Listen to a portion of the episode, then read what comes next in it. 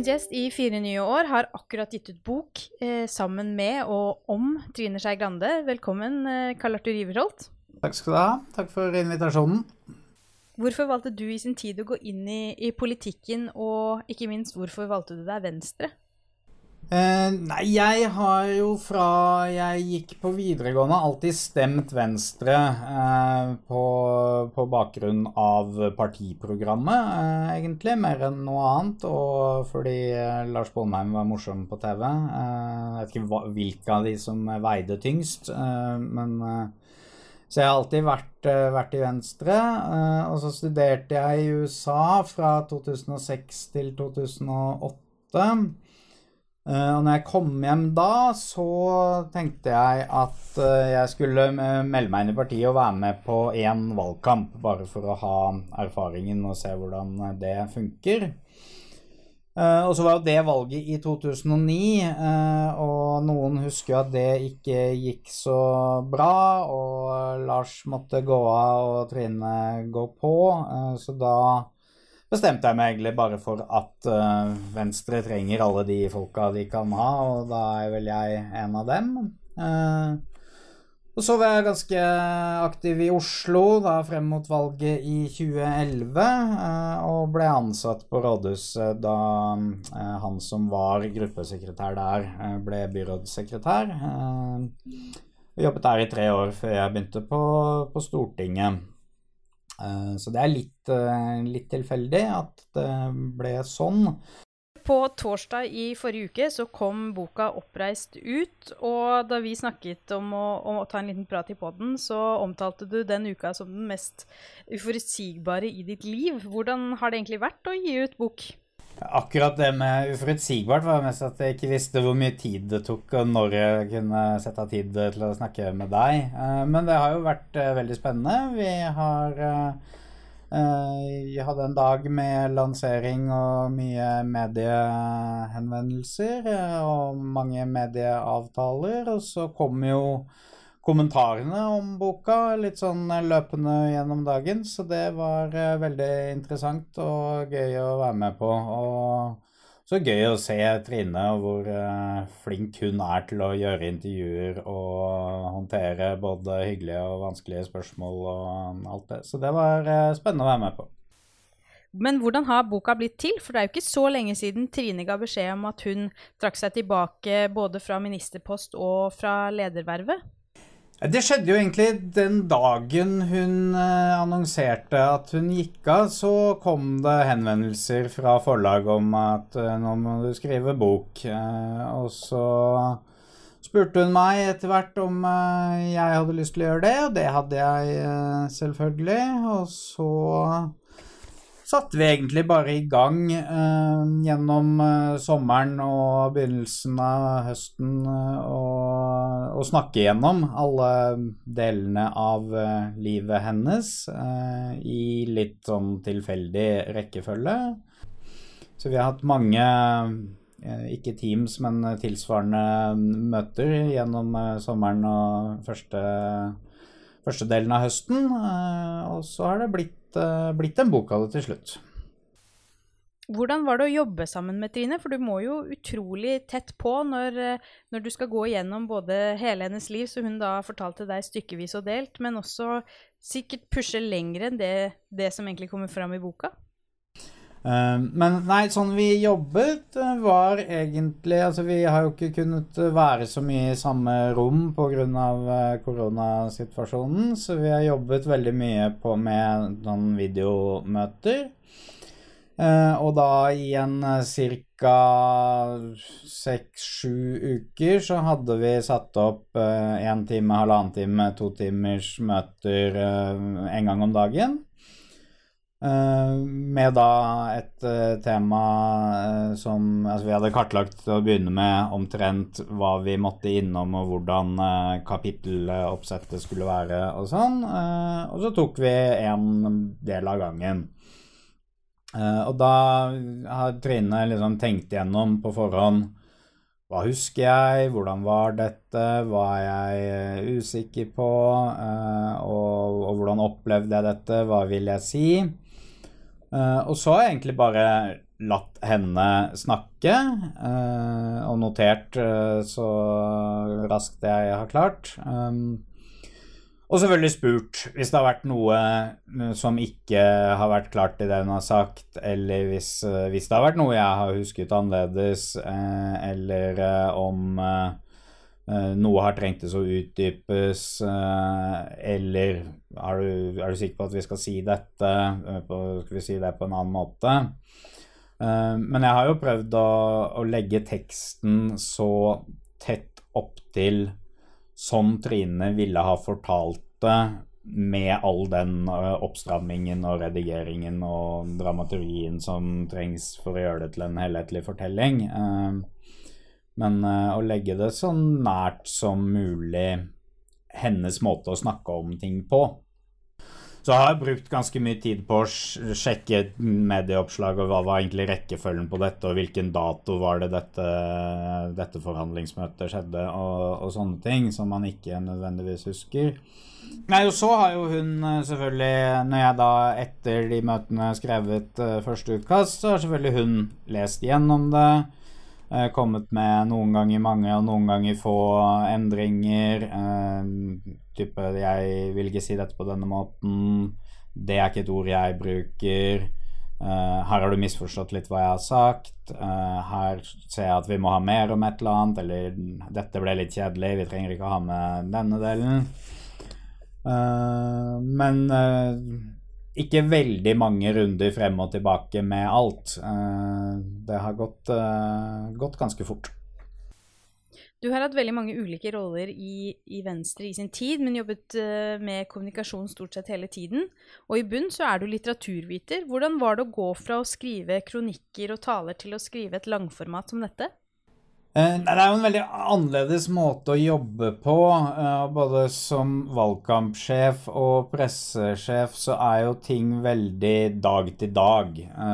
og det det du ikke får gjort i løpet av eh, en dag, det kan du eh, som oftest droppe å gjøre i morgen, for da er det for sent. Eh, og det er sjelden at man har tid til sånn veldig mye redigering og frem og tilbake av ting som skrives. Det, det må bare ut så fort som mulig, veldig mye.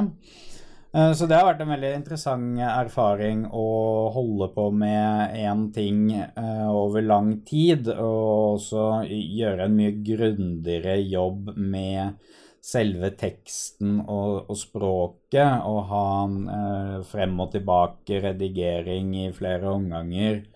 I motsetning til hvis jeg skriver en kronikk som skal, skal i avisa, så blir den gjerne påtenkt på morgenen, skrevet i løpet av formiddagen, eh, sjekket raskt av den som skal ha navnet sitt på den eh, i løpet av en time eller to, og så sendt av gårde til eh, avisa eh, senere på dagen. Så, så, det er en veldig annen måte å jobbe på, eh, men veldig interessant å ha gjort det også.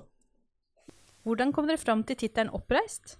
Trine har jo fortalt hva hun opprinnelig ville at boka skulle hete, eh, og det er det Eh, filnavnet på råmanuset eh, fortsatt er. Altså vanlig kjerring, artig liv. Som på mange måter er veldig betegnende for, for Trine.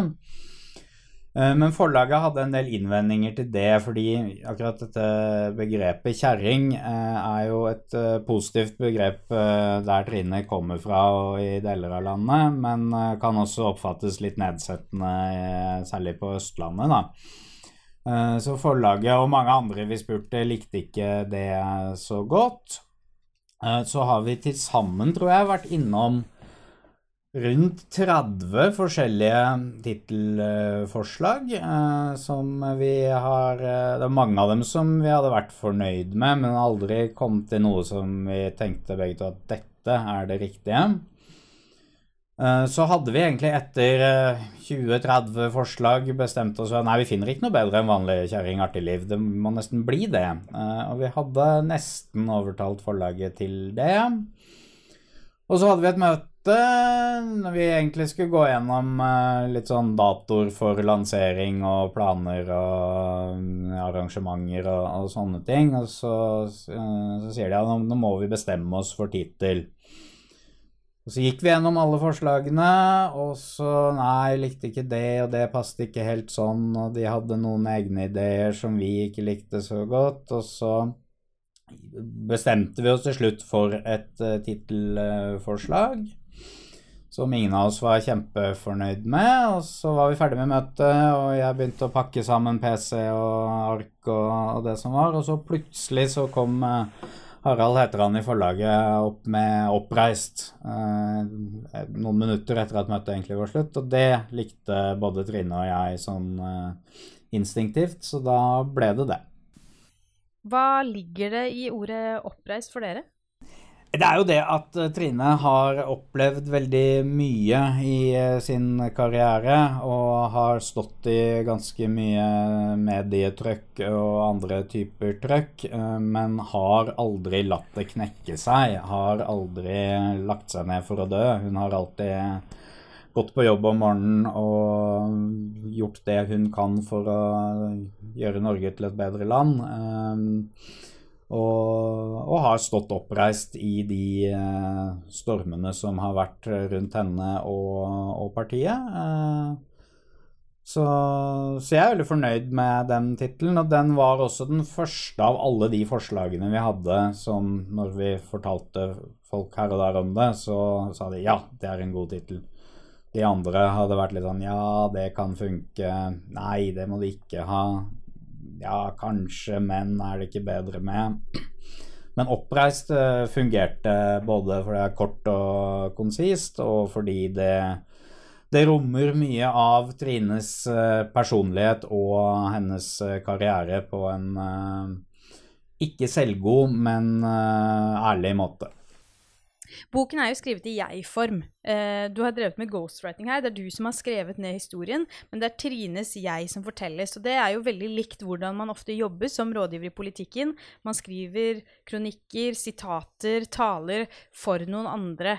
Hvordan er det du tenker når du skal jobbe med, med å skrive tekst for andre? Fordi du det, det varierer jo også fra person til person. Du har jo skrevet utrolig mange tekster for Trine, både taler og kronikker, men plutselig så skal man skrive en annen tekst for Abid, du skal skrive for Guri, kanskje for Ola.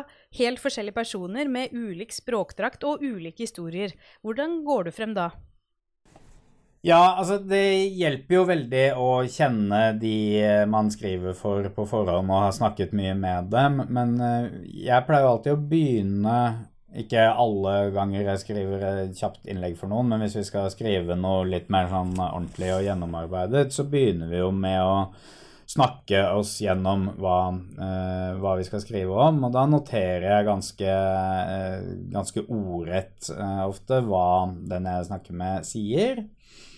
Eh, og så når man skriver mye for en eller flere, så venner man seg jo til hvilke uttrykk de bruker, eh, hvordan de uttrykker eh, forskjellige eh, standardformuleringer, hvilke ord de aldri bruker, sånne ting. men det jeg prøver å gjøre, er jo ikke nødvendigvis lese høyt, men å forestille meg i hodet at den personen jeg skriver for, sier det jeg har skrevet.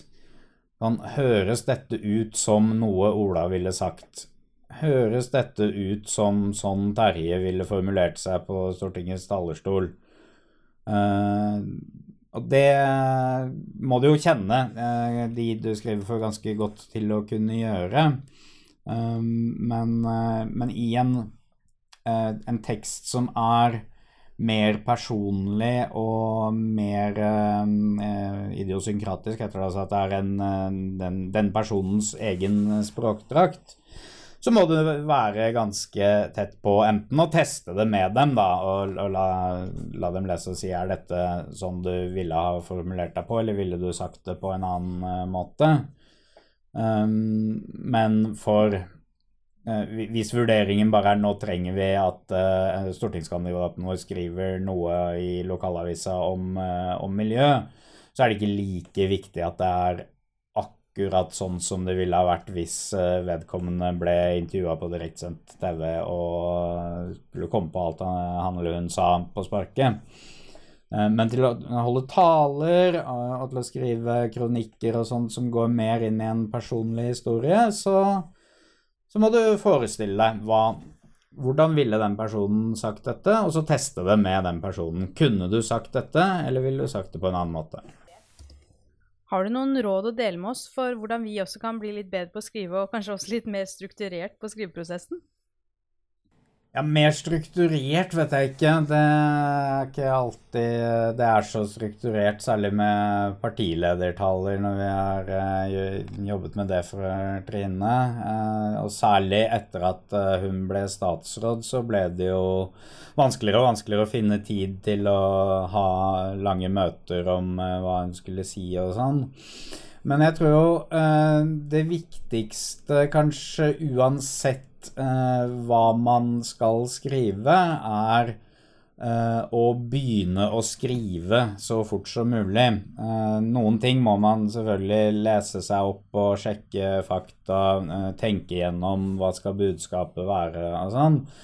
Men det er eh, mye lettere lettere å jobbe med når du har noe foran deg, og ikke bare et uh, Word-dokument uh, uten noe innhold. Uh, så, så begynne å skrive nesten med en gang, og så heller skrive om og gjøre endringer av det som trengs av redigering etter hvert, kontra å prøve å få alt perfekt på første forsøk. Det tror jeg er en uh, god plan. Uh, og så er det jo uh, mange ting man kan bruke som utgangspunkt. Altså Venstre har jo veldig mye skriftlig materiale om mye forskjellig. Både på hvilken retorikk vi bruker om ulike saker, og faktagrunnlag og Uh, veldig mye forskjellig som man kan ta utgangspunkt i. Uh, men å, å, begynne å tenke med en gang hva skal den første setningen her være, hva skal den neste setningen være, og så før du vet ordet av det, så har du et uh, utkast, og da kan man jobbe videre med utkastet istedenfor å sitte og tenke gjennom hvordan skal man få dette i gang. Eh, men så er det jo sånn at eh, redaksjonene, eh, både lokalt og nasjonalt, får jo mange flere innlegg enn det de har plass til å trykke. Og det de ser etter, er jo noe litt annet enn bare en oppramsing av 'dette vil Venstre gjøre for å løse et eller annet problem'. Eh, så da kan det være lurt å, å, tenke på om man har en eller annen eh, personlig historie man vil fortelle som kan eh, underbygge argumentene.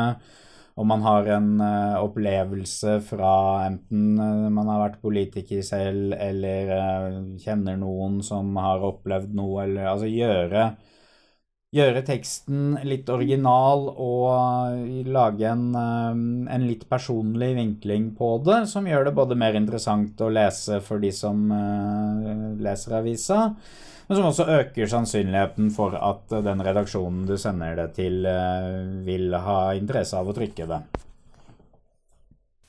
De siste fem årene så har du skrevet partileders landsmøtetale nesten hvert år. Det er jo en ganske spesiell skriveprosess. Hvordan foregår det?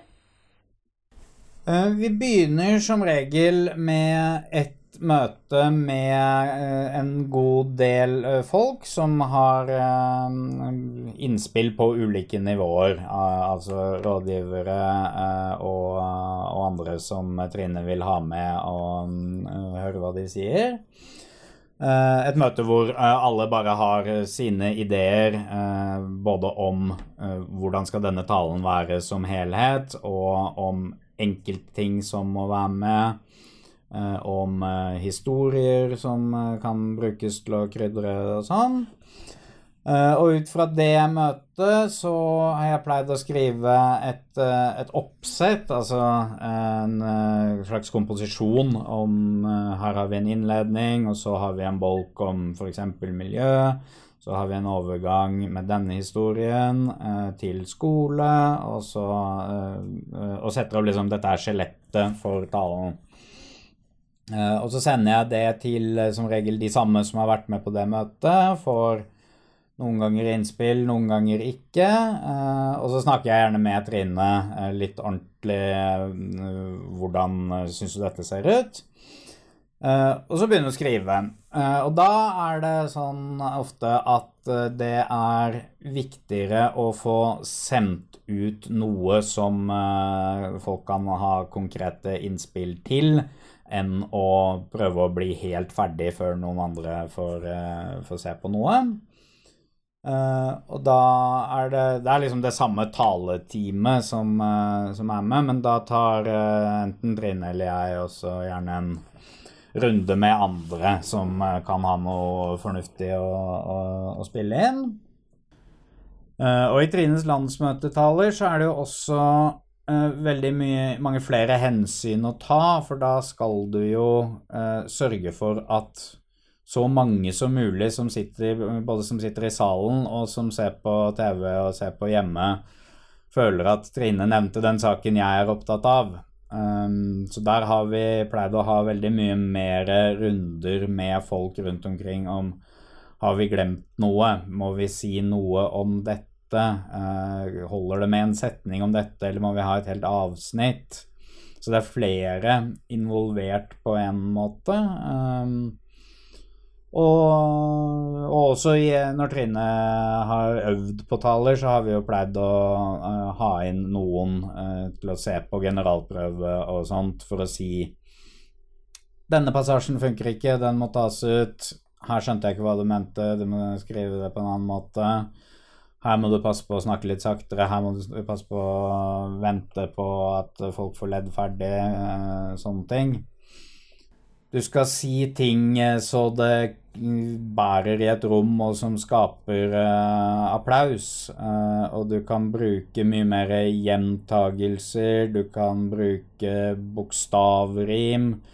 Du kan bruke en del sånn språklige virkemidler som ville sett veldig rart og påtatt ut på trykk, men som funker når man sier det til et publikum med litt sånn fynd i stemmen og, og applausen kommer rett etterpå. Um, og så jobber vi egentlig bare gjennom uh, versjoner. Uh, altså det er et første utkast, et andre utkast. Vi har vært oppe i et sjette utkast én gang. Noen ganger holder det med tre.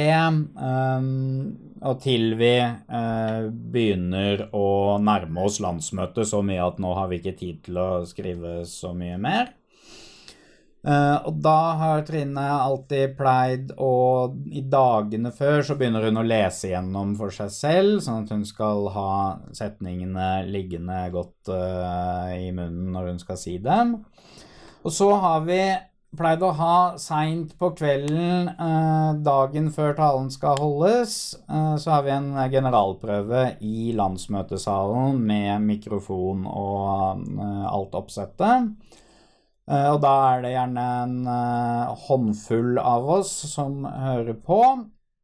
Eh, både de som har vært med på hele prosessen, men da prøver vi også å få inn noen som ikke har vært involvert i det hele tatt, for å få noen sånn helt uhildede kommentarer på ting som funker og ikke funker. Og da har det gjerne i manus vært sånn på noen steder så står det bare 'Her kan du dra historien om da du møtte hun her i uh, Eidsvoll', eller hva det må ha vært. Uh, så på generalprøven så skriver jeg da ned hva hun sier uh, i de tingene som bare har ligget inne som historier. Sånn at vi skal kunne legge det ut på, på nettsider, vi skal dele det ut på papir til alle i pressen. Eh, vi skal gi noen i salen en, et manus hvor det står noen steder hvor de skal klappe.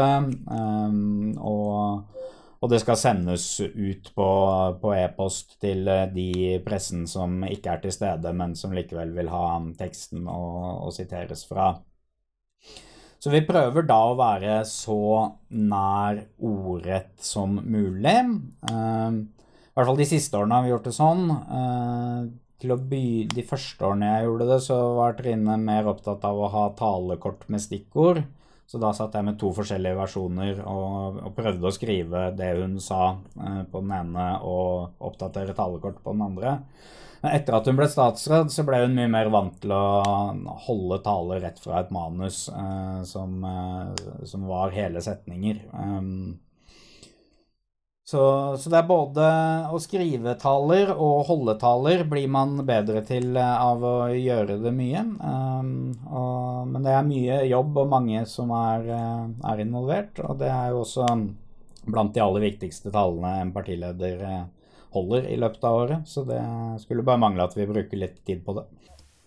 Og jeg tror du er inne på noe kjempeviktig når du sier at, uh, at man tidlig må komme opp med et utkast som folk kan gi tilbakemeldinger på, og at man får flere øyne på teksten både tidlig, men også at man ser at i prosessen har noen ferske ører som, som, hører det for første gang, og dermed kan gi den ferske tilbakemeldingen. For det er veldig lett når man sitter, sitter i en skriveprosess og blir litt låst i de, de tingene man, man liker veldig godt, og som kanskje ikke funker så bra når man hører de for første gang. Ja, og så kommer jo de inn på et tidspunkt hvor det er altfor sent å egentlig gjøre noe med det. Så hvis de sier 'dette var kjempedårlig', eh, så kan vi ikke begynne på nytt. Eh, men så er det jo også altså Når du lager til sånne ting da, som du skal jobbe med lenge, og som du ideelt sett har et par måneder uh, å, å, faktisk jobbe med, så, så, må du tenke at førsteutkastet Kanskje er det ikke noe av dette som ender opp med å brukes. og Det er helt greit. Kanskje kan det brukes til noe annet senere, kanskje kan det ikke brukes til noe annet senere. Men det er mye lettere for folk å komme med innspill til et utkast enn til eh, et blankt ark. Hvis du skulle gitt ett råd til noen som stiller til valg for aller første gang, hva skulle det vært?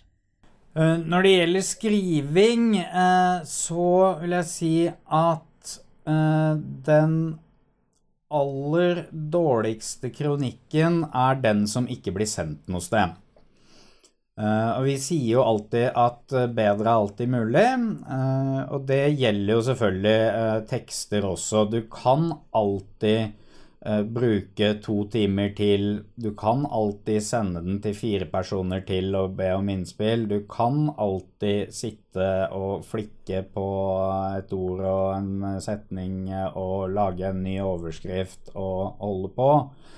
Eh, men selv om bedre alltid er mulig, så er du ikke i den sammenhengen ute etter eh, at det skal bli perfekt. Du er ute etter at det skal bli bra nok.